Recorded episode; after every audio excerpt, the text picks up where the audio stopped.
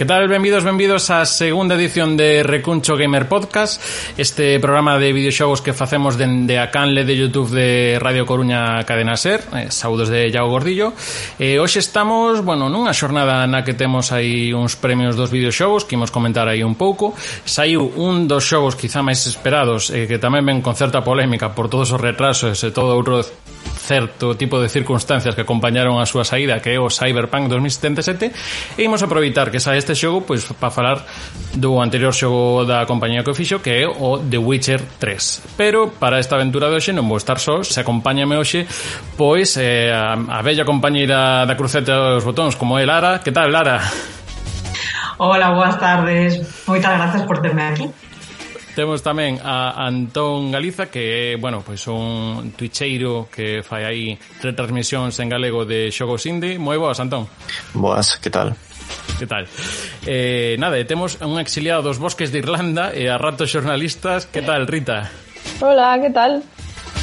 Moi boas, bueno, pois pues, benvido, benvidos a todos aquí a este Recuncho Gamer, que aparte está de hoxe tamén de estrea. Como decimos a ir aquí rotando, que temos somos aquí canteira, o único pesado que está todos os días son eu. Vaya, vaya por Dios. fin. Eh, nada, quería preguntarvos así un pouco tamén, así un pouco a traición, eh, a que andades a xogar agora estes últimos días? Así que é o último xogo que, co que andades. Eu acabo de rematar o Yakuza Kiwami 2. Carai, e que tal?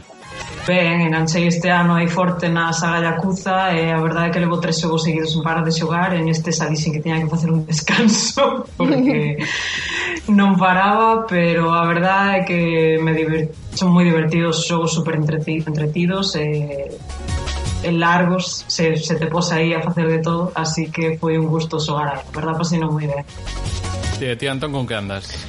Pois eu agora mesmo xusto rematei fai uns días un videoxogo indie que se chama iFound que a verdade me molou bastante, me tocou a patata, recoñezo que mm, disfrutei no bastante breve ademais, o cal considero moi positivo e agora xa estou co, puf, co extenso Red Dead Redemption 2 que non sei cando vou acabar.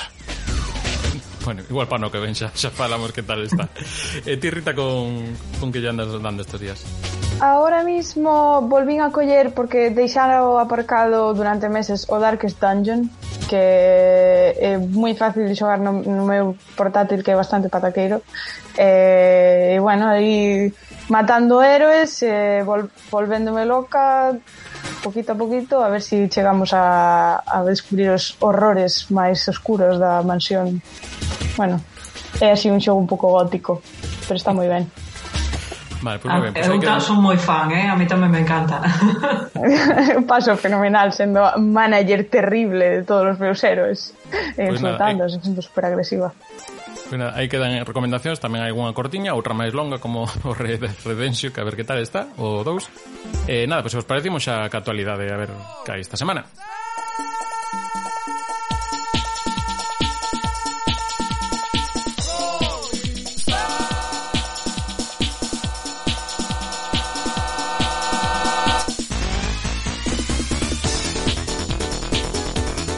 Pois nada, como comentábamos na, na introdución deste programa, estamos hoxe que nada, en 5 horas xa ou menos, pois vai comezar o que é a gala do Game Awards eh, que son os premios que se otorgan entre varios medios e tamén creo que algunha tenda, algún distribuidor de, de videoxogos eh, a, pues, bueno, pues, aos xogos que saíron este ano principalmente, en que tamén se colou algún, de algún ano pasado pero eso xa, xa bueno, xa, xa falaremos quizá cando se den os resultados en a vindeira edición.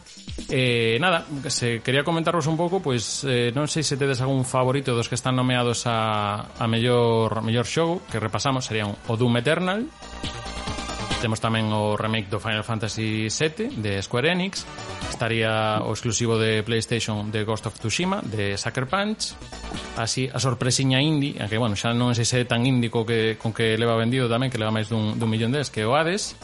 Eh, eh, bueno, pois unha das sorpresas tamén a nivel confinamento que sería o Animal Crossing New Horizons, porque houve aí un grupo de xente que se puxo a facer aí a ordenar máis fora da casa e o Last of Us Part 2 de Naughty Dog. Non sei como vedes estes xogos, algún que vos chama, algún que vos choca que este nesta lista. A mí sorpréndeme que este o remake do Final Fantasy, a verdad, non por nada.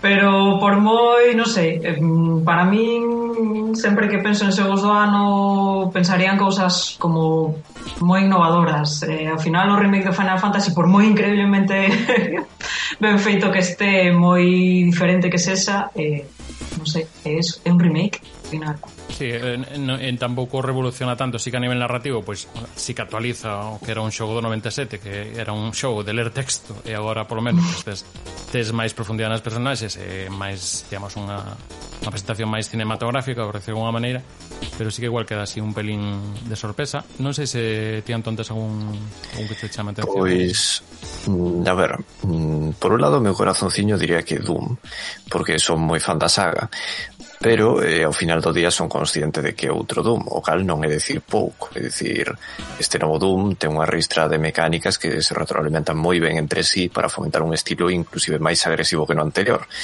O cal está guai, a mí me molou moito, pero aínda que non xoguei, eu diría que Animal Crossing, porque é o único desta lista eh, que non se basa en matar cousas.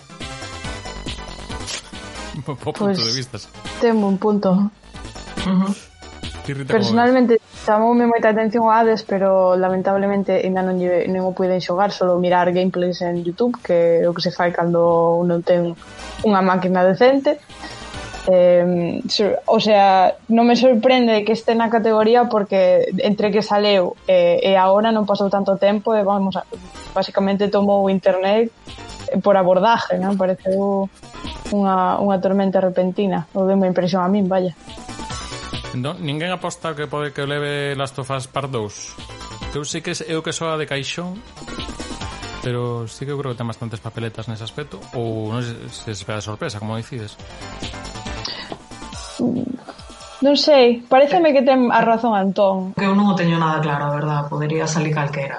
Pois se non, eh, quen, quen queira ver os resultados desta gala, pois eh, a partir da unha da noite, pois tamén podes seguir eh, desde a canle de Twitch de Twitch barra baixa en barra baixa galego, eh, que farán tamén un seguimento da gala de, de todos os premios. Eh, a ver se non, eh, se non se volve a cousa máis longa que como son os Óscar ou este tipo de cousas, que senón o día seguinte algún ten que ir a traballar, digo eu. Bueno, eh, outro tema da, da semana, que xusto hoxe tamén sai a, sai a rúa o o Cyberpunk 2077 e se vos parece vemos un pouco o trailer que pinta ten V, ¿estás ahí? ¡Joder! ¡Mi cabeza! ¿Y ahora qué? Ahora descubres qué tienes que hacer. Nunca te has achantado ante nada. Incluso cuando quizá deberías haberlo hecho. Bueno, pois este é un pouco o, o trailer que temos de, de fai dous días do, do Cyberpunk 2077 que vai sair para PlayStation 4, para Xbox One, para PC e tamén vai ter actualizacións para as novas consolas que están que están a chear. Non sei que que pinta lle vedes, se lle tedes ganas ou sodes dos que ides esperar máis a probalo, se que o probades. Eu teñolle ganas, pero creo que vou esperar un pouco a ver como comenta o mundo en general como vai o xogo para para de má. En principio vou esperar un pouco, pero bueno, a verdad é que coñecendo a compañía eh, dado que me gustou moito Witcher, eh, tamén Witcher 2 a nivel narrativo, non dudo de que se san capaces de facer un xogo moi bo. Pero bueno, pues sempre, pode gustarme máis ou menos, pero para mí personalmente ten moi boa pinta, eu teño ganas. Igual, eh, personalmente, o, igual que Lara, en plan, teño moitas ganas, pero eso sí, supoño que esperaremos un pouco a ver se hai algunha cosa que saleu rota ou, bueno, ou sin acabar, que se poida pulir nos meses siguientes á salida, igual vale a pena esperar por algún un poquiño, ¿no? En ese sentido. Tiento, como ves? Sí, por a miña parte eh, penso que tamén vou esperar. É dicir, é un xogo que estéticamente me chama moito esas escenas de noite me recordan moitísimo Blade Runner e iso é algo que tira moito de min pero entre que agora mesmo igual necesito unha actualización de hardware e que tampouco teño demasiada presa pois non sei, penso que uns meses tranquilamente vai quedar aí Sí, e aparte este xogo, pois pues, nada, veo un pouco acompañado, a ver que tamén outros xogos que saen está, pero co tema este dos prazos que se foi a, foise adiando no tempo a, a data de saída, de feito non entrou nos Game Awards deste ano, aínda que sai agora en decembro, porque xa está fora do plazo que teñen estimado. Eh, bueno, entraría aí o tema do crunch, que non se alguén Pode explicarlo igual máis sencillamente en que consiste do, isto do crunch para xente que non está familiarizada co termo?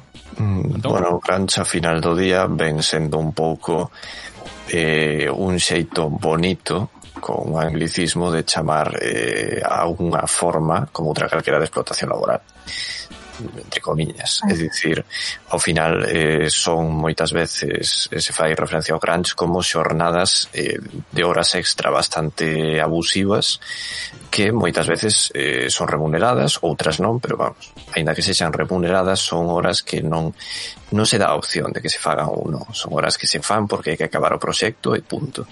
E iso obviamente eh, dá cero lugar a, a conciliación laboral de ningún tipo e moitos problemas eh, que veñen dai.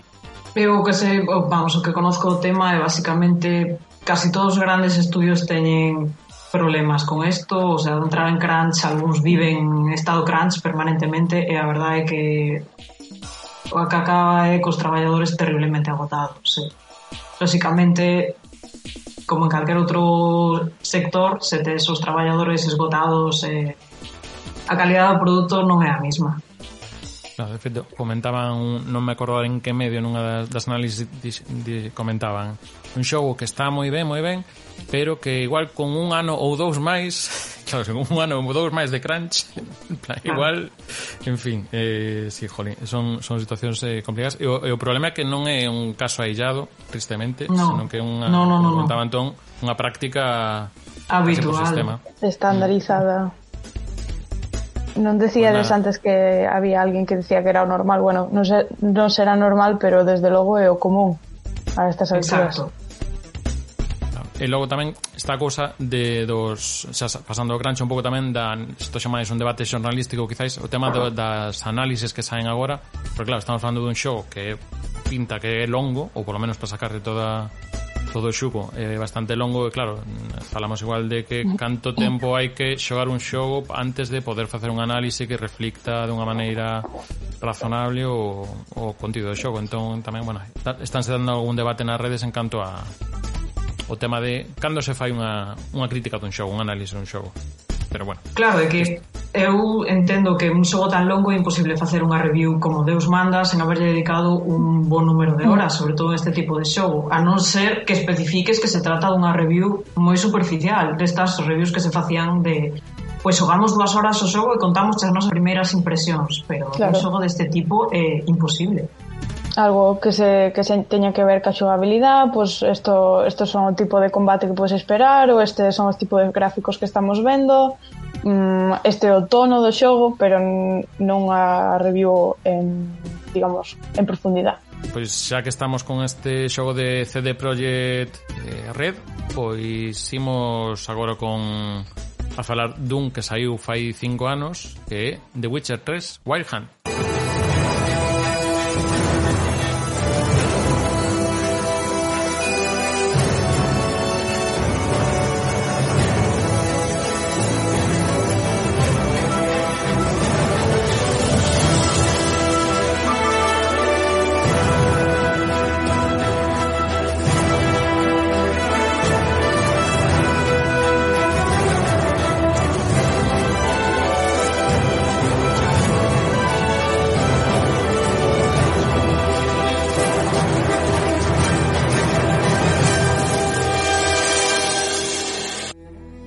Witcher 3 Wild Hunt é un videoxogo de rol desenvolvido pola compañía polaca CD Projekt Red que saiu en maio de 2015 e podes atopar na PlayStation 4, Xbox One, na Switch ou en computadoras con Windows. Como ben podes supoñer, pois trátase da continuación de dous xogos anteriores e están baseadas na saga de Gerald de Rivia escrita por Andrzej Sapkowski, a cal conta desde fai pouco, máis dun ano, cunha adaptación en formato serie tamén aí en, en Netflix. Eh, bueno, é un xogo que vendeu máis de 50 millóns de copias, segundo anunciou a propia compañía na primavera deste ano, xa que fixo os 5 anos o xogo. Eh, de que vai un pouco este, este xogo, Rita? Bueno, mm, a grandes rasgos eh, The Witcher 3 é un xogo que vai sobre Geralt de Rivia que é un señor que se dedica a canzar monstruos por diñeiro e que é contactado polo emperador dun poder invasor no seu reino para que atope a súa filla eh, Cirila. Resulta que Cirila tamén é a filla adoptiva de Geralt, entonces durante o xogo ten que seguir as pistas que se lle dan para poder ir a través dos reinos do norte e atopala. Cirila é o punto principal dunha profecía antiquísima na que se, bueno, se di que o mundo vai acabar nunha nevada tremenda e enténdese que ela é a clave para detener este suceso. Hai outros poderes oscuros que a persiguen, entonces bueno, ela ten que eh, esquivar estos poderes oscuros e ao mesmo tempo pues, atopar a Geralt que tamén está buscando. Unha cuestión de dúas persoas que se buscan como sin querer evitándose. Ata que se atopan. Vale, eh, bueno, é un xogo que se desenvolve en mundo aberto eh, Cales son as mecánicas de xogo, Antón? Bueno, en principio, eh, digamos que son O principal é que un pouco xogo de rol con combate hack and slash. Entón, por un lado, eh, tes unha historia que, que se desenvolve cun esquema bueno, típico nos xogos de rol e por outro lado tes unha eh, ben envolto unha serie de mecánicas como eh, experiencia con subidas de nivel, habilidades, melloras de obxectos, eh, todo un inventario hecho de equipamento, eh, ir incluso ten sistema de crafteo, ten combate hack and slash, ten sistema de viaxe a cabalo, en barco, ten, bueno, vamos, é eh, bastante completo todo o que ten. Como un mundo cheo de pequenas mecánicas que diga, contribuyen a facer un videoxogo que é como un pequeno mundo. O sea, realmente é bastante completo nese aspecto. E digamos a nivel de progreso de, de personaxe entendo que iso, non podemos ir libremente por, por todo por todo o xogo senón que ou por, to, por calquer misión senón que tamén imos evolucionando eh, bueno, isto curioso con... perdón que te interrumpa pero isto curioso porque realmente originalmente sí que estaba pensado así eh, cando, digamos, estaban facendo este videoxogo, a idea original era que ti tiveses tres grandes zonas onde poder ir no orde que fose. Pero claro, isto ten unha complicación, xa que a nivel narrativo é unha complicación terrible. Tes que deseñar a historia e construirla dun sitio bastante diferente. Entón se descomplicou un pouco o tema e ao final foron esas tres, catro, cinco grandes zonas, bueno, realmente son tres grandes eh, e dúas ou tres un pouco máis pequenas, nas que tes que ir nun orde concreto. En canto canto a... Bueno, falaba antes Rita Argumento, está basada nunha novela. Non sei en que maneira reflexa ou sigue as novelas neste caso, o xogo.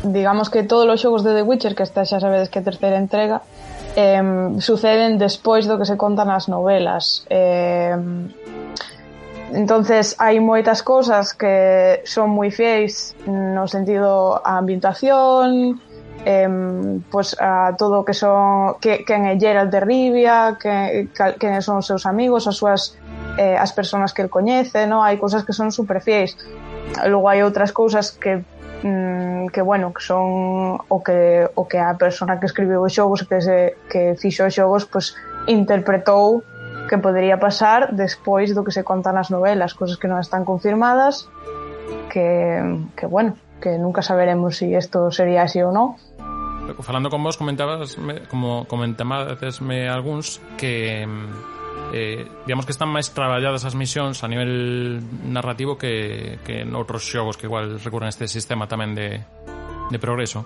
Efectivamente. Sí, as misión, a ver, as misión, a misión principal eh, é a que pero lóxicamente a misión principal ten un montón como de pequenos pasos para ir desenrolando que crea outras misións secundarias entonces é como un hilo narrativo que dá moitas voltas sobre si sí mesmo. Ademais de todas as cousas extras que podes facer no xogo, pois o que ti comentas, os, na, ti eres un bruxo, tes que gañar cartos, e matas monstros, e tes estas pequenos taboleiros nas vilas para ir facendo as misións, además de xente que che pide cousas, como en todos os xogos de rol, pero sí que é verdad que a parte dun millón de misións secundarias a, a, podemos decir que a historia principal eh, está, na miña opinión, moi ben desenrolada para que teñas moitas misións que dependen desa misión principal, pero que ah, de por sí son moi complicadas, encerradas, eh, teñen as súas decisións, que é unha cousa que me gusta moito deste xogo, que ten as túas eh, decisións teñen consecuencias, eh, e non é como moitos xogos de rol que é moi claro estou non facendo ben ou estou non facendo mal, sino que é moi imprevisible neste caso, ou polo menos para mí nunca foi moi claro que o camiño a elección que estaba tomando me levara a algo determinado. Unha cousa que a min gustaba moito era que em, son moi satisfactorias as misións, a principal e máis as secundarias. Eh, era rara vez que acababa unha misión e decía, meh, isto foi anticlimático. Mm, casi nunca pasa casi sempre cando acabas unha misión sobre todo as principales é como Buah, todo ten sentido, todo se ata todo o que se como lle chaman o build up que lle chaman todo o que se está plantando no, no argumento da misión, no, na catarsis da misión, pois pues, acaba, acaba volvendo, ¿no? Eh, está todo supervenciado.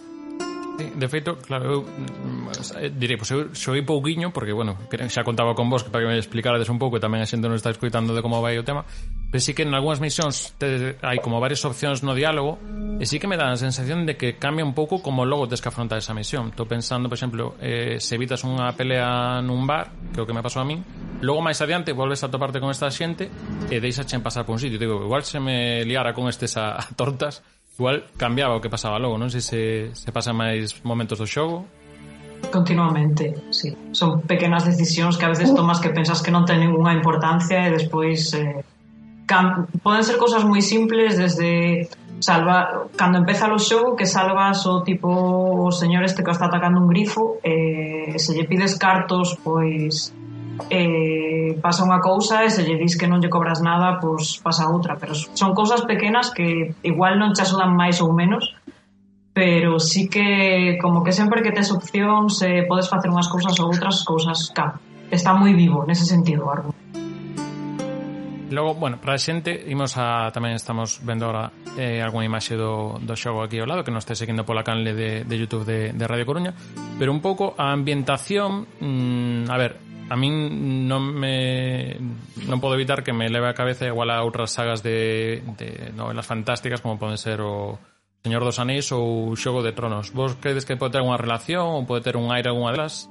Mm, quizáis te dirían máis ao Señor dos Anéis porque, non sei, penso que está un pouco inspirada, pero por outro lado, a súa vez penso que tamén deixa bastante entrever eh, o folclore europeo e iso tamén recoñezo que é algo que me mola bastante e inclusive se traduce tamén na historia, ten un enfoque un pouco máis escuro que outros xogos de rol, non sempre sabes o que está ben e o que está mal.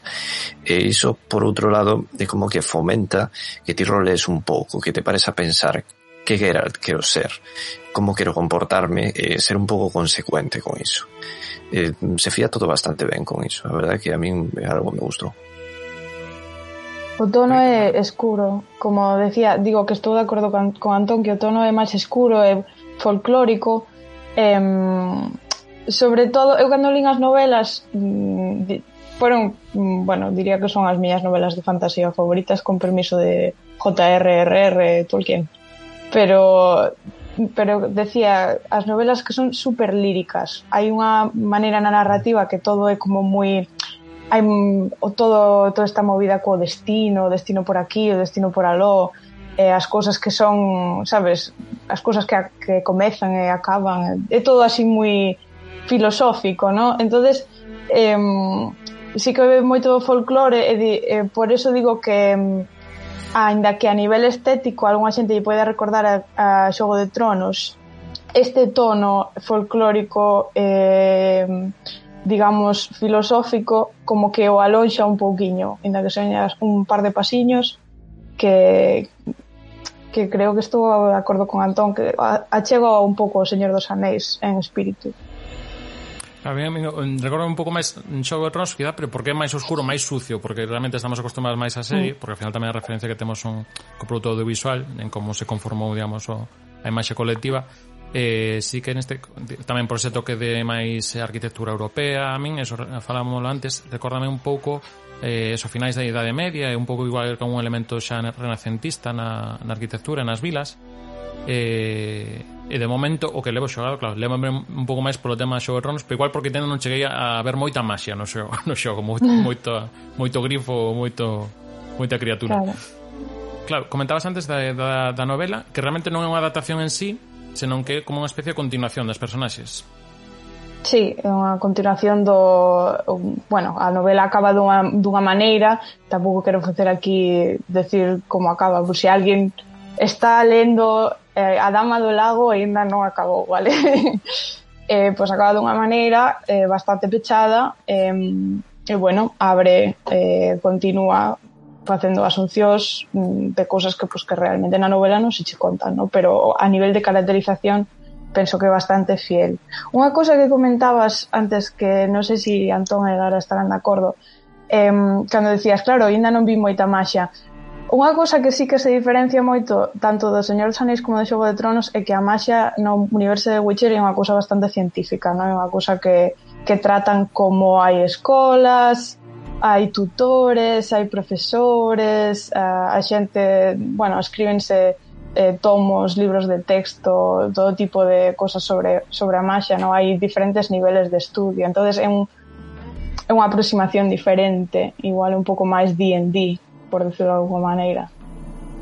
Mm. De feito, incluso na parte máis, digamos, na estructura da sociedade máxica do videoxogo é todo máis, quizáis, un pouco clasista incluso, e como que hai varias categorías dentro das diferentes entidades que, que manexan esta máxia. Por exemplo, por un lado están os bruxos, que son guerreiros que teñen eh, a, digamos, a habilidade de utilizar un pouco a maxia con estas sinais que teñen e tal, pero están un nivel bastante por debaixo dos, dos magos e das meigas que xa son como, digamos, teñen un dominio moi superior da maxia e teñen outro enfoque xa.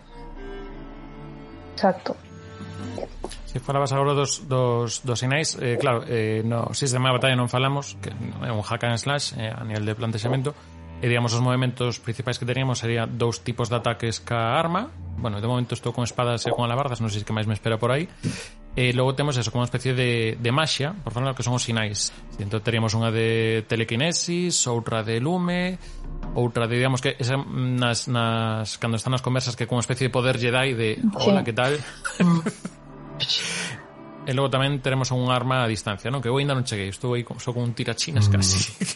Sí, hai varias, hai bombas, sí. hai unha ballesta, hai algún tipo de digamos de, de trampa entre comiñas que deixas no chan a modo de cepo, hai unha serie de cousas. O sea que tamén dá un pouco de liberdade agora de afrontar tamén según que, que misións tamén pois eso, non, non hai que ir a todo ca, ca espada por diante, senón que se pode ter un pouco de, Pero so, pode ser, pode ser caspada por diante se queres. Bueno, sempre hai estilos de xogo e de como expresarse nun, nun videoxogo.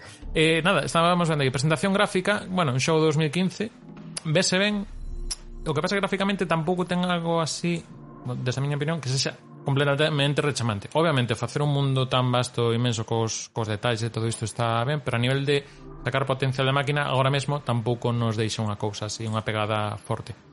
Chico deseño de personaxes igual é máis interesante. Sí, era o que comentábamoslo antes. Eh, non é un xogo que tivesas unha imaxe perdida esa super recoñecible eh, son máis as personaxes ao final as que lle dan o recoñecemento. Pero sí que é verdade que a nivel mm. eso, son entornos moi amplios moi abertos, a non ser que busques algo especificamente que sepas que existe nunha cidade ou nun entorno urbano é bastante difícil que vendo simplemente unha imaxe eh, recoñezas que se xogo é Witcher. Pois se vos parece, imos ir adiantando cun momento musical que tengo o xogo.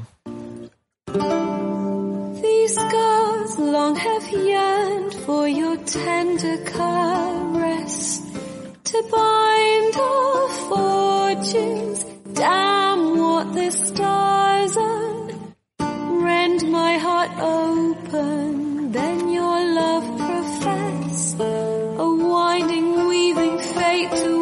we both atone.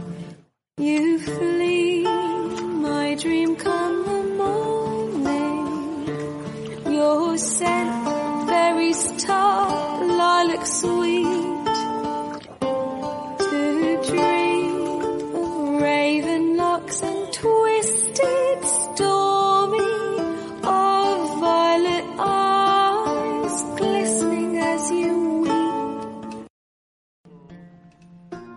Pois nada, non sei se algún me pode contar un pouco o contexto desta, desta escena. Pois esta escena basicamente está metida nunha misión eh, na que, bueno, Jasker ou Dandelion, según as versións, eh, tens que facer unha misión para ele, basicamente tens que ir a escoitar a esta persoa eh, cantar. É moi interesante porque o que está cantando é a historia de amor entre Geralt e Jennifer, que, bueno, como son dúas personas que levan cento geral ten casi un siglo de vida e hai moito tempo que se coñecen e a súa historia de amor fixose moi famosa gracias a, pues, a, esta, a este amigo seu bardo. Ela está cantando pois a historia de amor de, de Geralt de Rivia eh, eh, para mí foi un momento moi bonito vendo o show é moi enternecedor. Tamén fíxome gracia ao mesmo tempo porque pensas que estás aí senta, Geralt aí sentado mentras outra persona está contando as súas desavenencias amorosas con Jennifer eh, e teña a situación era un pouco extraña, pero a verdade é que me parece un momento moi bonito e como a propia sentada taberna quedase así como moi emotiva, así que parece un momento moi bonito, non sei. Hai unha cousa moi interesante desta escena tamén, bueno, do personaxe de Priscila en xeral, em, que no, o sea, non bien vin confirmado, pero bueno, en xeral é aceptado polos fans que Priscila é unha adaptación dun personaxe que había na, na segunda novela, creo que era na segunda novela, que se chamaba Essie. Eh, mm. entonces foi, foi como unha, unha especie de reinterpretación do personaxe de Essie e eh, fixeron Priscila, que me pareceu un detalle super bonito. Eh, bueno, era, unha, era unha das historias cortas que logo non se volven a repetir. Eh, así que estuvo moi ben que a meteran así desta maneira. Antón? Sí, a verdade é que a min para, eh, penso que foi un momento, como dicía Lara, moi bonito. E de feito me recordou as novelas porque de repente fixen así como un exercicio de memoria e acordeime de que destos primeiros momentos nos que Geralt coñecía a Jaskier, lle contaba as súas historietas, as súas aventuras tal, en ese primeiro momento no que Jaskier escribía a primeira este esta primeira canción de amor, eh Geralt era como que o miraba así un pouco como escéptico, como dicindo por que tes que coller a miña historia, mm. incluso lle parecía así un pouco mal, a regañadentes aceptaba, eh, despois de, de todas as novelas e dos tres videoxogos chegas a, ata este momento onde xa directamente é famosa a súa historia uh -huh. e non sei, foi unha cousa que me pareceu bonita de ver así en retrospectiva Como que che eh. bota eh... Wonderwall, sabes? Que como vas a bar botan esta canción. No, e aparte, eh, claro, ahora é un momento moi raro porque ves así a xente nun sitio vendo un concerto que agora é unha cousa tamén que nos choca moito. O sea, que cousa así moi moi. Eh, falando falando de cancións, falando de música. Eh, Lara, que che parece a, a banda sonora de deste de, The Witcher 3? A min gustou moitísimo eh, mm, sobre todo porque, bueno, aparte de que é eh, realmente unha banda sonora moi extensa e, eh, eh, por suposto, unha composición de orquesta como é super típico nos RPGs eh, para facelo todo moi, moi imponente pero ten unha carga moi importante de música folclórica. Eh, es dun grupo mm, que dá hai un grupo polaco que se chama Percival eh, a mí encantoume escoitar todos estos instrumentos eh, sonábame completamente distinto a música típica dos RPGs como pode ser o Skyrim ou Dragon Age que ten unhas bandas sonoras que me encantan pero son a típica composición de orquesta Eso, seguindo o rollo folclórico que ten o xogo, que, porque as novelas son moi de historias medievais de aquí de Europa, eh, contos medievais moi ben adaptados, pois me, me pareceu genial que lle metera eh, este grupo, este rollo así tan folclórico. E aparte vendo pois un especial de como habían feito a música, chamou moita atención porque dixeron que eh, o compositor eh, que non, claro, é un compositor orquesta e que non sabía moi ben como traballar con todo este tipo de música e que basicamente o que hai nos, nos, no show foi super improvisado e decían, e que facíamos era como é perfecto, é perfecto e a verdade é que me chamou moita atención. É moi extenso, se non digo mal creo que teño por aquí anotado. Eh, do seu principal son 35 cancións. E despois as expansións teñen as súas propias bandas sonoras e a verdade é que eso, hai cancións que están moi moi chulas eh, a nivel música folclórica, cancións e todo se tes momentos como que tes eh, este da canción esta de, de que estaba cantando Priscila eh, que lembrame, agora vou irme a cosas aí recentes un pouco tamén ao uso que fan na música al momento no Hades tamén con, cunha, da, cunha das historias que está relacionada con con un músico eh, sí que ten así ese toque de folclore tal. Non sei que se tes alguna opinión tamén Antón, Rita. También a verdade é que fixome graza un pequeno detalle. É que a banda sonora mm, gustoume moito. A da primeira expansión tamén. Pero non me esperaba da segunda banda sonora. O sea, perdón, a da segunda expansión. Ah. Porque como que toda a expansión de repente cambia bastante o tono E me volve a recordar as historias curtas das novelas. É como eh, unha historieta un pouco aparte Moi todo moi colorido, todo incluso moi romántico, e de repente é eh, como que cambia totalmente o tono do videoxogo e a, e a música nese momento axuda moitísimo. Eh, chocoume moito e o disfrutei precisamente por iso, porque foi como un soplo de aire fresco nun videoxogo que quizáis a ratos era todo o rato escuro, todo o rato moi duro, pero de repente vías isto e decías, dios, eh, precioso. A colación da banda sonora decir nada máis que había, ahora que falaban ton das expansións, que hai unha parte na, na segunda expansión que hai unha misión pequeniña sobre contra a espada máxica que recolle un pouco tes, un testigo da, dunha misión que había no primeiro xogo eh, non sei como se chamaba para Erondite ou algo así, pero bueno tela que ir a buscar. En ese momento sona unha variante do tema de Geralt que é o tema principal do xogo, o mítico que se parece moitísimo máis a, a como eh, tocaban o tema de Geralt no xogo primeiro que a como tocan no terceiro xogo, moito máis melódico, sin tanta instrumentación, entonces como que é un, un callback boísimo porque realmente eh, entrache toda, todos os recordos do primeiro xogo, no? ata moi ben todo. Pois antes de meternos en fariña en completo cas expansións, imos ver un momento dunha das pezas que sonaban nesa segunda expansión. Uh. Asleep in midst the trees.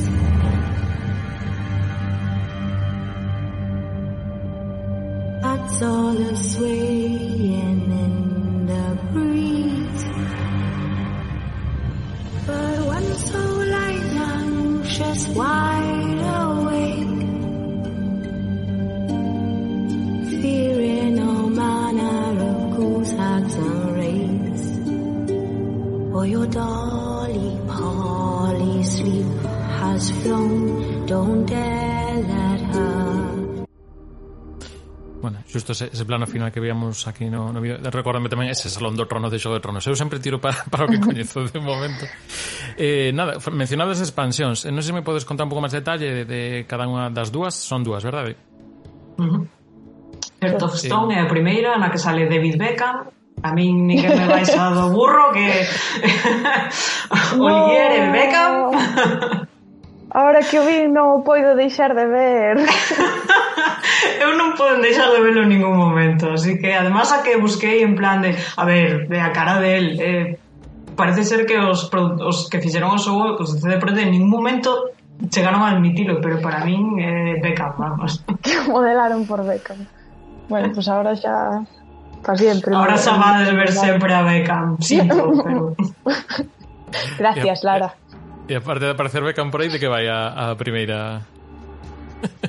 de fútbol, pois a primeira expansión de fútbol, claramente. Eh, basicamente te encontras a un personaxe que te encontras ao principio do xogo, que se chama se chama Cantero Dim, que che eh, bueno, pois pues che pide a, que lle fagas algo eh, acabas coñecendo a este personaxe que é Olier eh, que tamén pues, eso, a través dunha misión destas de, se non recordo mal destas de tablón acabas sí. coñecendo a esta persona e despois aparece este ganto Erodim que aparece ao principio do show principal que quen che di na taberna ao principio donde anda Jennifer eh, que aparece por aí para pedirche mm, pois que o xudes con esta, con esta persona que ten un problemiña con. É bastante longa esta expansión. Non sei se na primeira ou na segunda que teñan todo un detalle que está relacionado tamén cas novelas, que é interesante. Sí, era na segunda expansión, na de Blood and Wine, que onde aparece outra vez o personaxe o vampiro Regis, que, claro, aquí teve un problema. Eu os, as novelas as lim, pero me puxen no lugar de alguén que non as lese e quizáis eh, un pouco non explica demasiado ben de onde sae este personaxe. Pero sí que é verdade que un personaxe que é importante tanto para Geralt como para Ciri porque un personaxe que se fixo por circunstancias varias amigo de Geralt é un personaxe que cuidou de, de Ciri é un personaxe importante para os protagonistas do videoxogo eh, que de repente volve eh, volve, ademais, eh, ao principio da expansión, lle, lle di a Geralt, por favor, non fagas isto, deixame intentalo ao meu modo, en ese momento é cando se liches as novelas entendes que non é porque sexa un personaxe calquera e non é para xustificar senón que realmente é alguén importante ao que lle están facendo un favor porque confía en él porque di, vale, imos facerlle caso a este home, é unha persoa de confianza, imos intentalo ao seu modo e aí é onde arranca realmente a expansión calquera que, que non ler as novelas pode ver nese momento que comenta Antón o nivel de confianza que Geralt ten eh, no, no vampiro Rigis, o sea, eh, nas novelas está moito máis eh, desenvolvido. Eh, pois que se, que se fan super amigos de Geralt ten por Reyes un respeto un, unha confianza un nivel de lealtad pois, eh, moi superior ao que ten por moitos outros personaxes, entonces cando eu creo que se ve ben reflexado nese momento que di Antón da expansión. Eu non sei se estades de acordo, pero é que cando cheguei á primeira expansión deme conta de que tiña unha estrutura eh, argumental que seguía perfectamente a típica regla dos contos folclóricos de tres. Hai tres misións, eh, é, é todo mm. moi estrutural, todo moi eh, temas da, temas da morte, temas da familia, eh, o amor, eh, todo, o sea, a primeira misión, tens que facer tal cosa, sempre hai un truco, sempre hai unha como un doble fondo, es que todo super folclórico, pareceume que inda máis folclórico que o, que o xogo principal, que de todas as misións que había, a de Corazos de Pedra era a que máis se parecía a un conto de fadas. Pois sí, a verdade é que agora que o dis así en voz alta, tes toda a razón, sí. De feito, Agora que me lembro, penso que na primeira expansión onde te topas eh, a muller que médica, non?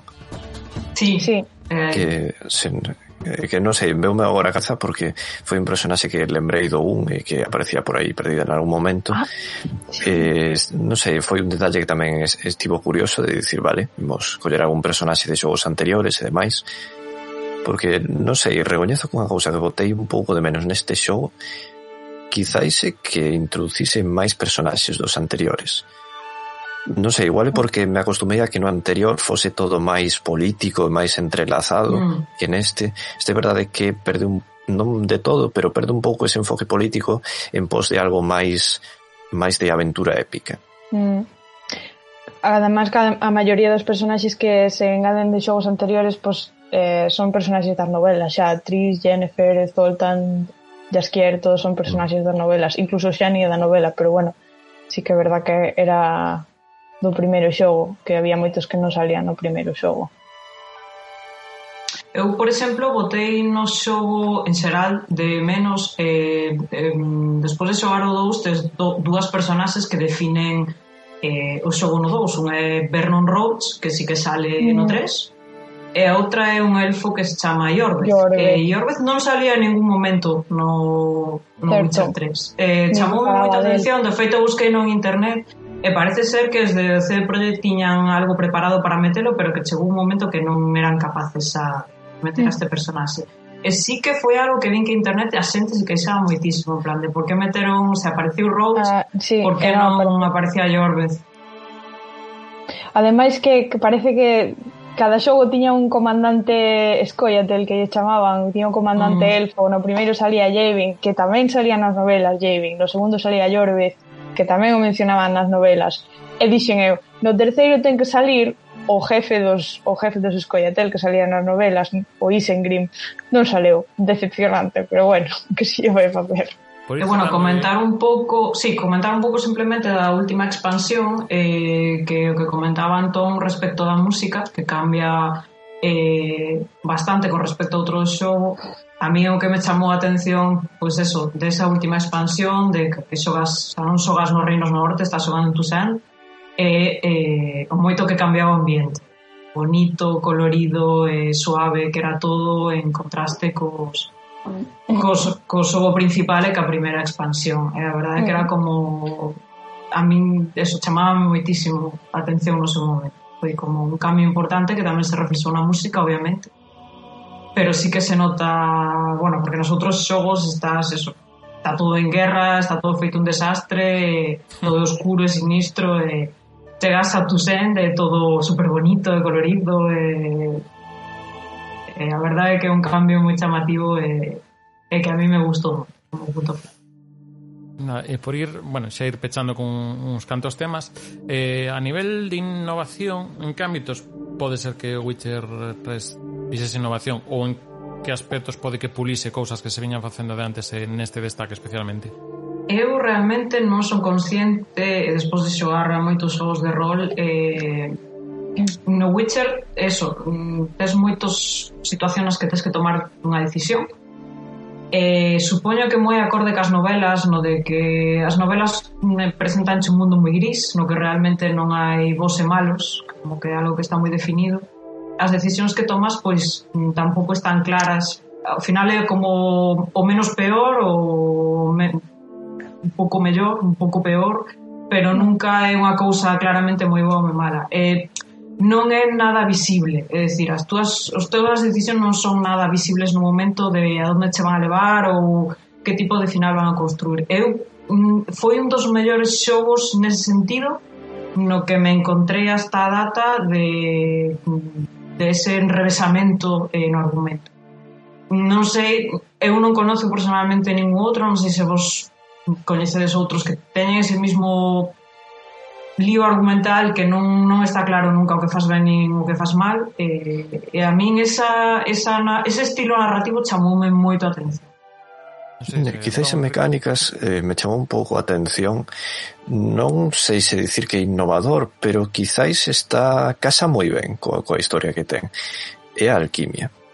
Porque a alquimia mm, é un pouco, quizáis, o enfoque máis de preparación, que casa moi ben co todo o tema de ser un bruxo, de prepararse con certas pocións, de fabricar eh, algunhas para eh, momentos concretos, tipo ver na escuridade, de aproveitar debilidades que teñen en certas zonas eh, algúns monstruos concretos.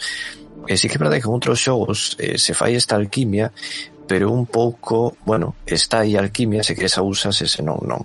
Pero neste se integra bastante ben coa trama e co tipo de personaxe, co traballo que ten, porque é un bruxo, é un, non, é un, non é un mago, non é un cazador simplemente, senón que é unha persoa que se prepara especificamente para afrontar unha serie de perigos mortais e niso lle vai a vida. Entón, é un pouco un, un dos puntos álxidos do gameplay cando te enfrentas a un, a un contrato e a verdade é que ten unha rama específica para iso e me chamou bastante atención que se integrase tan ben este aspecto. Mm. Igual non é un tema de innovación total tanto como de pulir un montón de cousas que este debuxaba en outros RPGs como pode ser a alquimia ou pode ser ah, as decisións, hai moitos RPGs anteriores que toma, tiñas que tomar a decisión A ou decisión B, pero neste está todo como super pulido, está como levado, colleron todas estas cousas e fixeron as mellor eh, cando dis que está moi pulido, non sei se nos leva tamén a unha cousa que creo que creo comentar Antón, que está igual demasiado pulido ou demasiado grande denso todo isto. Sí, non sei. A ver, conste que o xogo mm. ten os seus bugs. É dicir, eh, creo que hai moitos vídeos en internet eh, do digamos, la maravillosa conducción de Sardinilla, porque penso que isto a todas as persoas que lle vin falar do videoxogo lles pasou algún momento un pouco tolo co, con Sardinilla, tipo, de repente se, se lle vai unha pata, sai medio voando, se cae por un sitio que, bueno, está ben, é un momento un pouco meme, tamén é un momento de dicir, vale, pois algo desenfadado no xogo para variar, pero pero si, sí, a verdade é que é un xogo que é moi denso, e eh? xa non só é que sexa moi denso, é que inclusive cando se fixo hai moitísimas misións que foron reescritas de xeito reiterado para chegar a, digamos, unha cota de calidad.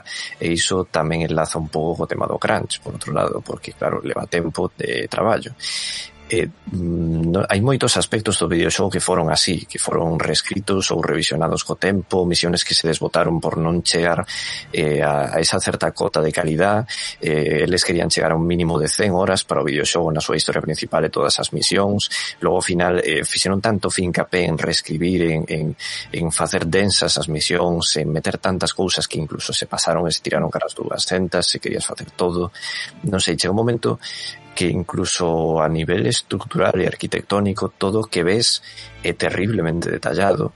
Eh, lembro ler un, unha entrevista que lle fixeron a un dos de, bueno, digamos, dos diseñadores artísticos que falaba do tema de dos alimentos nas cidades de que, por exemplo, no primeiro lugar era como que estaba máis asolado pola guerra, entón eh, ao principio os diseñadores meteron como demasiados alimentos nas casas e tiveron que ir casa a casa quitando todo porque tiñan demasiados alimentos. Eso me parece unha toña brutal.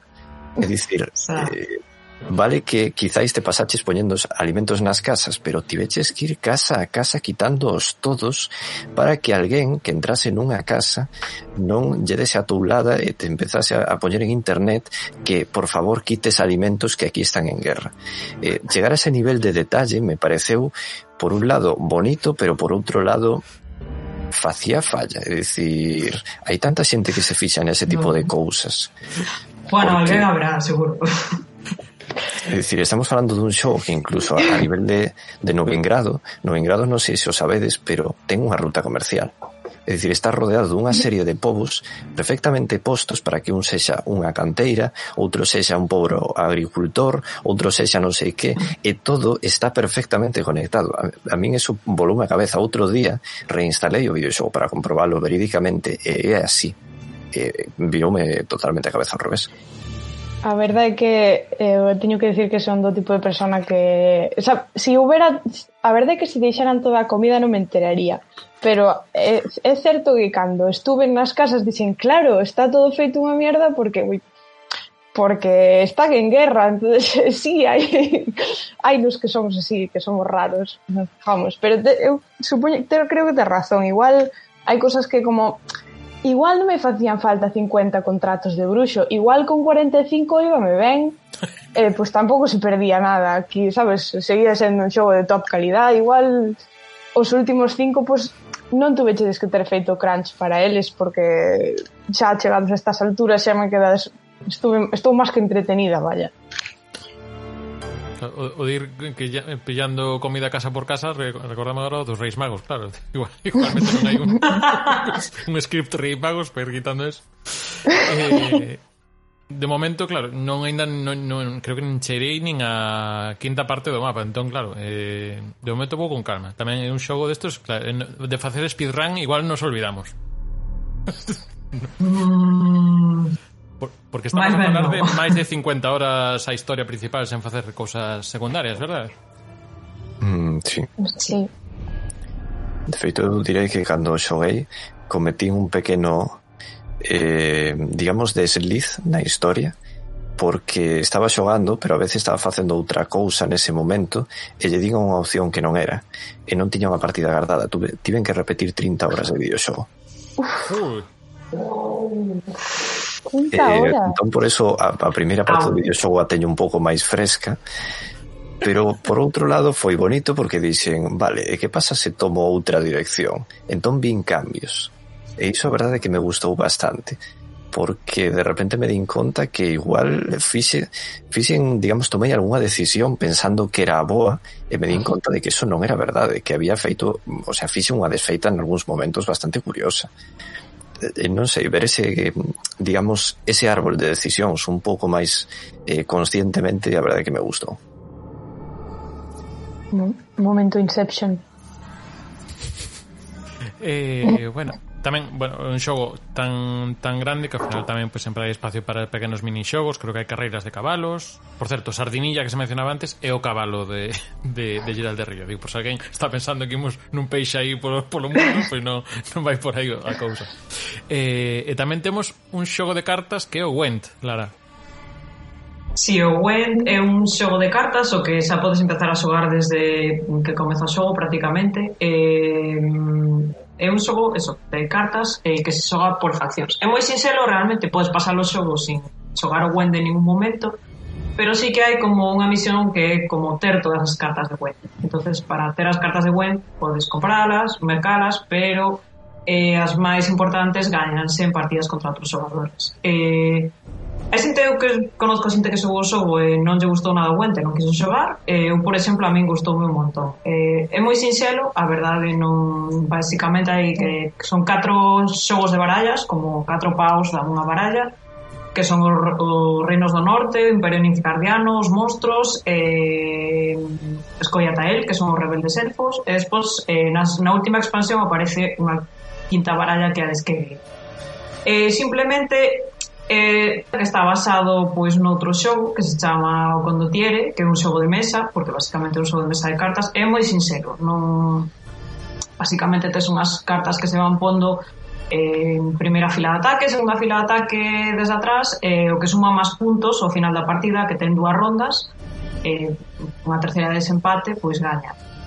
Eh, a mí enganchou un montón, a verdad, eh, que me encantaba xogar o web. Eh, teño, eso, momentos de partidas moi largas, botar un bocacho xogando Witcher, simplemente xogando web. entonces de feito, fixo popular e derivou, sacaron ao final un propio xogo, eh, que é un xogo único a partir do Witcher que é só para xogar o Went, E despois sacaron outro xogo que é o Thronebreaker, creo que, que tamén está basado nunha dinámica de cartas moi parecida a. Eh, bueno, de feito, a min, claro, lembrame, por exemplo, a casos como hai no Final Fantasy VIII e no Final Fantasy IX que tamén temos aí xogos de cartas tamén para andar enredando uh -huh. un rato.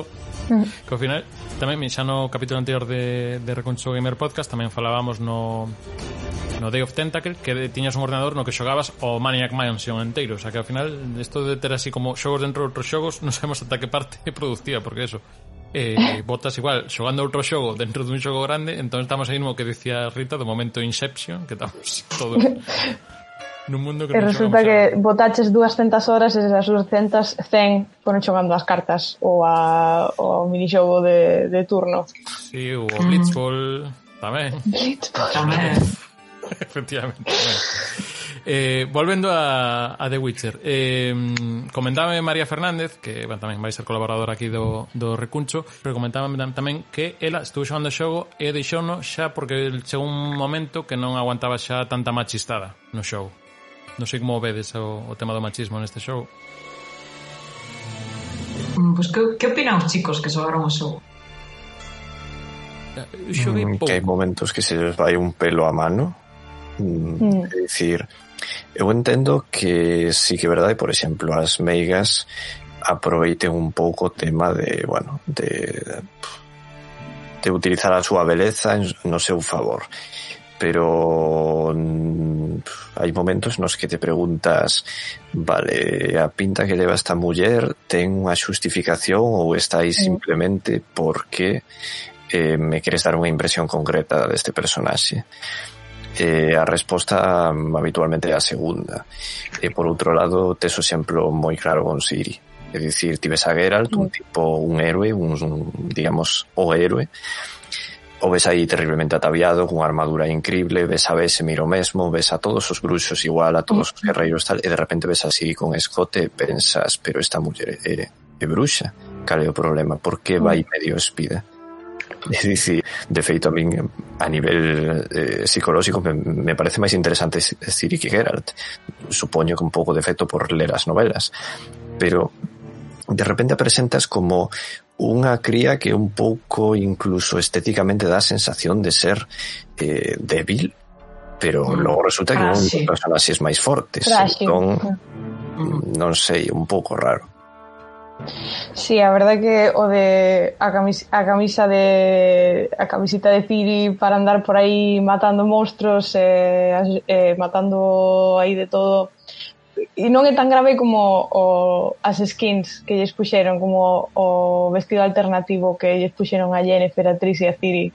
Non sei se si, non sei se si o descargaches no, eh, no seu momento no. bueno, eso, a ver mm, poñ excusa porque é alternativo, non é o deseño principal do xogo. Xa sabes, por exemplo, Tris que leva un, uns pantalóns e un chaleco, non? Bueno, o escote é criminal, pero eso xa é outra cosa. Pero logo o vestido alternativo é unha fantasía de, de brillos, de purpurina, unha falda cunha raja tremenda, sandalias romanas, aquí non, te, non hai por onde collelo E ademais Tris, que é un personaxe que canónicamente nos libros dixo, non sei se unha ou dúas veces, que nunca máis iba a levar escote por unhas cicatrices que tiña no peito, ela mesma no libro di nunca máis vou a volver a levar escote, palabra por palabra, el no xogo collena e poñen un escote hasta o ombligo. E un pouco eso é de gratis, o sea, non, non, non é, é o que di Antón, eso é, en que momento é Tris intentando utilizar os seus encantos ou é o desarrolladora que, que sabes, os escotes molan. Ah. ah claro, eu, do, mando, do que vin, claro, volvo co, outra vez co paralelismo con Xogo de, de Tronos. Estamos nun mundo que é machista e ti dentro da narrativa podes usalo para ensinalo e, denun, digamos, denuncialo e resarcir de, algún, de alguna forma esas personaxes ou femininas en Xogo Tronos pois sí que tiñas eh, moitas eh, mulleres que lideraban exércitos ou, digamos, movían masas. E de aquí, de momento, claro, ainda non cheguei a ver hai un pouco esas figuras un pouco tamén que dentro do mundo machista pois digamos, se revelan ou alzan a voz, pero non sei exactamente se... Máis al lado do tema tamén de atuendos, que xa sabes o, o tema vai polo, uh -huh. polo tal, pero non sei se tamén as dinámicas ou os arcos das personaxes femininas son interesantes. É máis complicado, porque hai moitos personaxes femeninos que teñen unha cousa que outros mm, RPGs ou outros xogos máis antigos que non tiñan, que era agenda propia, o que se chama ter unhos obxectivos propios e eh, unhas opinións propias sobre como conseguir os obxectivos. Hai un personaxe que, Iago, ti non biches, pero xa a coñecerás, Filipa, que vas a filipar cando a coñezas. Eh, é un, é un exemplo perfecto de eh, personaxe femenino que fai o que, o, o que ela quere, eh, ten o seu propio, a súa propia meta, eh, non está a servicio de ninguén, non? Eh, Jennifer pode, podese decir que tamén sigue un pouco este patrón, ela eh, ten o seu obxectivo, que pasa que o obxectivo de Jennifer posee o teu, que é salvar a Ciri, pero pero que é, é deseo dela propio tamén pero por outro lado non encontras eh, son personaxes que xogan a que toman o rol que lles dá este mundo machista e que usan como mellor poden, pero non son personaxes que se rebelen directamente contra este rol. A único personaxe que se me ocurre que pode rebelarse un pouco está tamén máis adiante na zona das Islas de Skellige, pero tampouco é unha rebeldía que o sea, mm, é, un, é máis complejo porque non hai non hai unha non hai unha crítica directa. Eu diría que no que máis notei o machismo foran en cousas como quen morre, em, quen é o culpable. Hai moi hai moi varias misións nas que dis, mm, aquí hai algo que é inconsciente, sabes, unha destas cousas de machismo que permea pero que non o ves directamente como pode ser o escote de Cris. Eh, pero, bueno, doulle, doulles puntos por facer, por exemplo, personaxes como Filipa ou como Jennifer.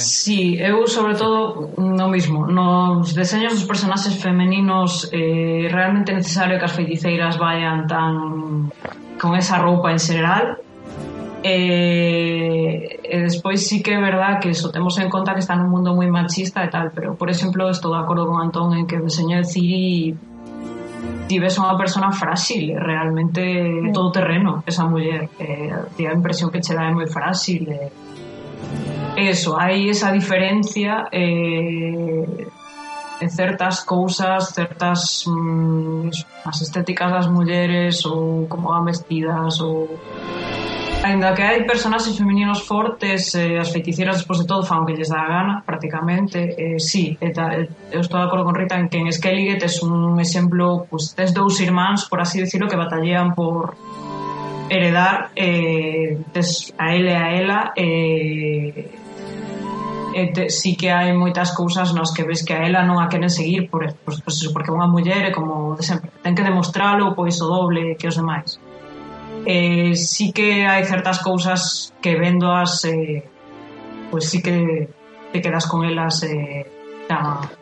Mm. Por outro lado, eh, como exemplo, eh, perdona que te cordelara, que ahora que estabas mm. falando deste personaxe de Skellige, eh, diría cando, cando digo que o xogo ten un, un machismo que é mm, menos detectable, por exemplo, este personaxe é unha rebelde, é un personaxe que está loitando por romper esos roles de xénero, e eso notase, uh -huh. o sea, é unha cosa que está explícita no xogo totalmente, uh -huh. e ademais totalmente. Geralt ten a completa opción de aliarse con ela, e de ser o seu, o seu aliado e o seu defensor, pero ao mesmo tempo eh, tamén acaba salvando, no? É, un, é unha misión na que ten, de novo ten que aparecer Geralt a rescatala, eh, de novo ten que aparecer a solucionarlle a vida.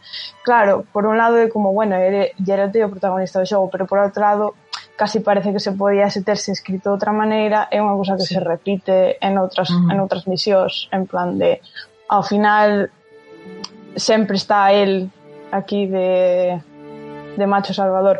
Igual, a única personaxe de verdad que me parece que non ten este padrón é Filipa pero que, bueno, mm. Filipa é moita Filipa. Digamos que por esta parte non, non o fai tamén o xogo, digamos. Pero bueno. Podería mellorar. Podería mellorar. Podería mellorar. Eh, Hai cousas que... Cos... Antes de cas, eh, cas mensaxes dos, dos ouvintes que nos deixaron polo Twitter, tamén quería deciros, bueno, estamos falando bastante ben do xogo en xeral, pero non sei se llevichedes así algún fallo, alguna cousa que vos cantase, máis alado dos, dos memes de sardinita, de sardinilla. Eu, mira, lanzo o primeiro que así que experimentei nas primeiras horas. E ás veces que é unha tontería, pero eu, como eu vou polo tema son, sí que hai algúns ah. audios, por menos na versión de PlayStation 4 que que xoguei, que ás veces están como que soan como nunha sala pequena, estás ao aire libre, entón é como, ou como que saen duplicados, non sei, bueno, ao final son, son bugs pequenos, pero hai por momentos que me saca un mm. pouco, en plan, porque estou escoitando aquí o cabalo que está pataleando nunha habitación pechada e eu estou no medio do, do campo. Eh, non sei se vichedes alguna cousa así que vos chame, en que non vos comeza tanto? Mm, non quizáis un bug, pero non sei se estou demasiado de acordo con que o videoxogo sexa un mundo aberto. No sentido de que A ver, o anterior non precisaba ser un mundo aberto, tiña espazos grandes, a acción se desenvolvía ben, eh, era entretido. En este, como que eh, estás ao final da historia de Geralt, desa gran historia que atopara Ciri que o que leva facendo durante sete novelas e xa me apetecía ver bastante, a verdade, non vou enganar. Entón, eh, eu, digamos, como que igual era por ler as novelas, non o sei, igual é defecto diso, pero é como que tiña certa presa por por fin atopar a Ciri. Entón era como unha misión a que eu lle, lle xudiquei esa presa de quero atopar a Ciri, quero solucionar esta situación, e realmente quero atoparme a este personaxe porque é un personaxe que a min, dende a posición de Geralt, me importa de verdade. Pero por outro lado, eh, te podes poñer a xogar ao Gwent. é un pouco en que momento deixo de buscar a miña filla adoptiva para xogar ao Gwent ou para facerlle eh, unha misión a este señor porque resulta que, eh, non sei, un sumersido lle rouba o pescado pola noite. Mm, bueno, me choca un pouco ese rollo, na verdade. Pues sí, eh, entendo, pero a veces os héroes necesitan descansar. xogar ao Went e encontrar sartenes. Claro, se leva sete novelas, igual unha parte das cartas podes botarse. Despois de Para min a gran, a gran queixa no xogo que creo que comparto con máis xente é, eh, o Final Boss que de Eren eh... eh, non é un Final Boss. Faltalle moitísimo peso, carisma, forza... Chegas ali como, vale, veña, xa está. Eh, eu creo que algúns dos seus subordinados teñen máis presencia casi na historia que o propio Eren, que se supón que é o final boss eh... Mm, nada. Estou super de acordo. É moi moi anticlimático, o sea, a súa loita é decía decía mm, o meu mozo moitas veces ojalá eh, tuveras unha loita máis un máis desenvolvemento do personaxe de Carantir que é moi Ujú. interesante. Eh, ojalá a loita con Eredin fora distinta. A verdade é que sí, creo que moita xente que comparte contigo que realmente é unha loita final que que deixa un pouco así, "Eh, sí, Vale, eh, pois nada, se vos parece, imos ler aquí as, as dúas mensaxes que nos deixaron aquí polo, polo Twitter. Eh, primeiro nos comenta Clan Kirfed que, bueno, que ainda non, non o poido xogar, que está na lista de pendentes, porque o primeiro mm, fixoselles un, o primeiro Witcher fixoselles un pouco bola, pero bueno, que pintaba ben. Este 3, os que xogaste son, mm, xógase mellor, non dixese xogar mellor que o que o... Hombre, todo se deixa xogar mellor que o O un é superinteresante, pero é clanky clanky.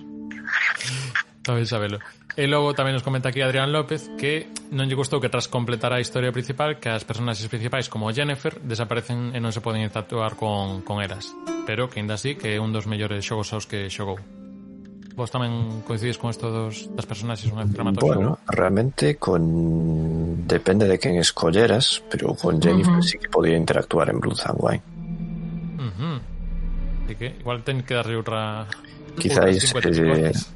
poderías darlle un enfoque máis interesante que simplemente unha sinxela interacción e podería haber aí unha mecánica eh, mm. bueno, de, de tratar unha parella como unha parella, non simplemente como un obxectivo, pero, pero sí, eh, por lo menos podes facer algo. Refieres a ter como unha especie de obxectivo no ínter e de decir, ah, vai a visitar a Jennifer a, ou sei, a Kyle Moren e a ver que che conta quizáis vai un pouco no argumento de que a maioría dos videoxogos plantexan eh, as parellas como unha gincana eh, que remata nunha escena de sexo. Eh, isto é un pouco raro porque son non é unha parella, é unha representación moi rara do que significa o amor e unha relación de parella. Entón, realmente moi artificial e moi videoxogo. E aquí lle pasa o mesmo. Moi artificial e moi videoxogo, quedame co concepto, eh? Tristemente, tristemente por momentos. Eh, non sei, algunha última opinión sobre o The Witcher que querades compartir antes de, de pechar o programa? Teño unha sí, pregunta para... para Lara e para Antón. Mm. Eh, a vos parece vos que mm, que quedou ben adaptado em, despois, despois de todo Tris é un personaxe que aparece nos dos primeiros xogos o sea que, que xa coñecemos que estuvemos con ela. Aparte que é un personaxe que é un pouco esquizofrénico entre xogo e xogo pero bueno, da, aparte de eso.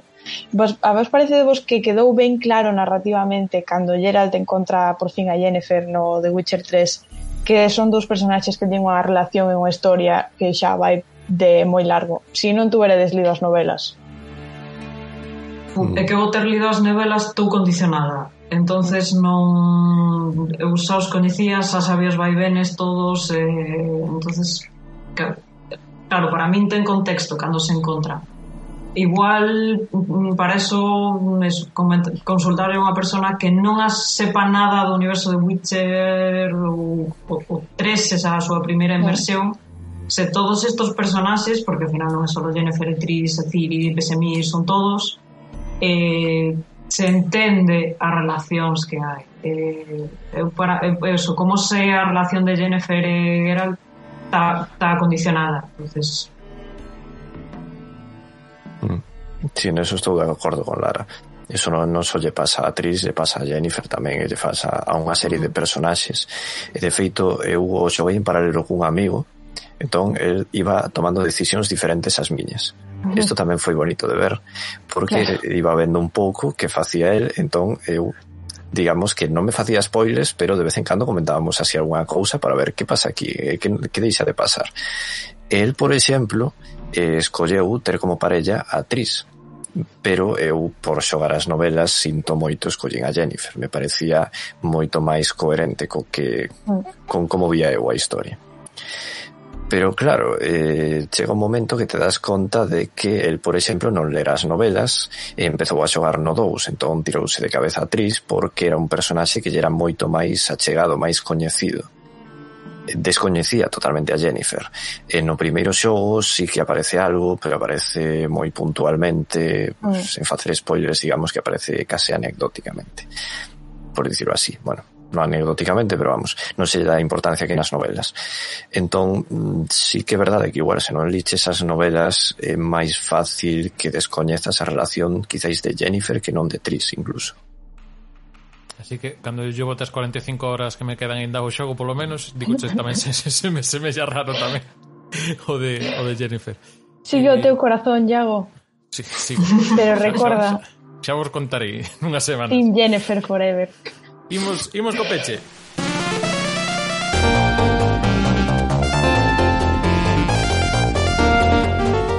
Pois ata aquí o Recuncho Gamer Podcast de hoxe eh, pois, Fixemos aquí un repaso de Witcher 3 Que para que non o coñece Espero que lle entras aí o, o verme de volver a xogar E para quen levar así un tempo con el aparcado Pois tamén so queres rescatar agora despois desta conversa que tivemos, pois eh, tamén encantados, que é un pouco tamén a función de deste podcast.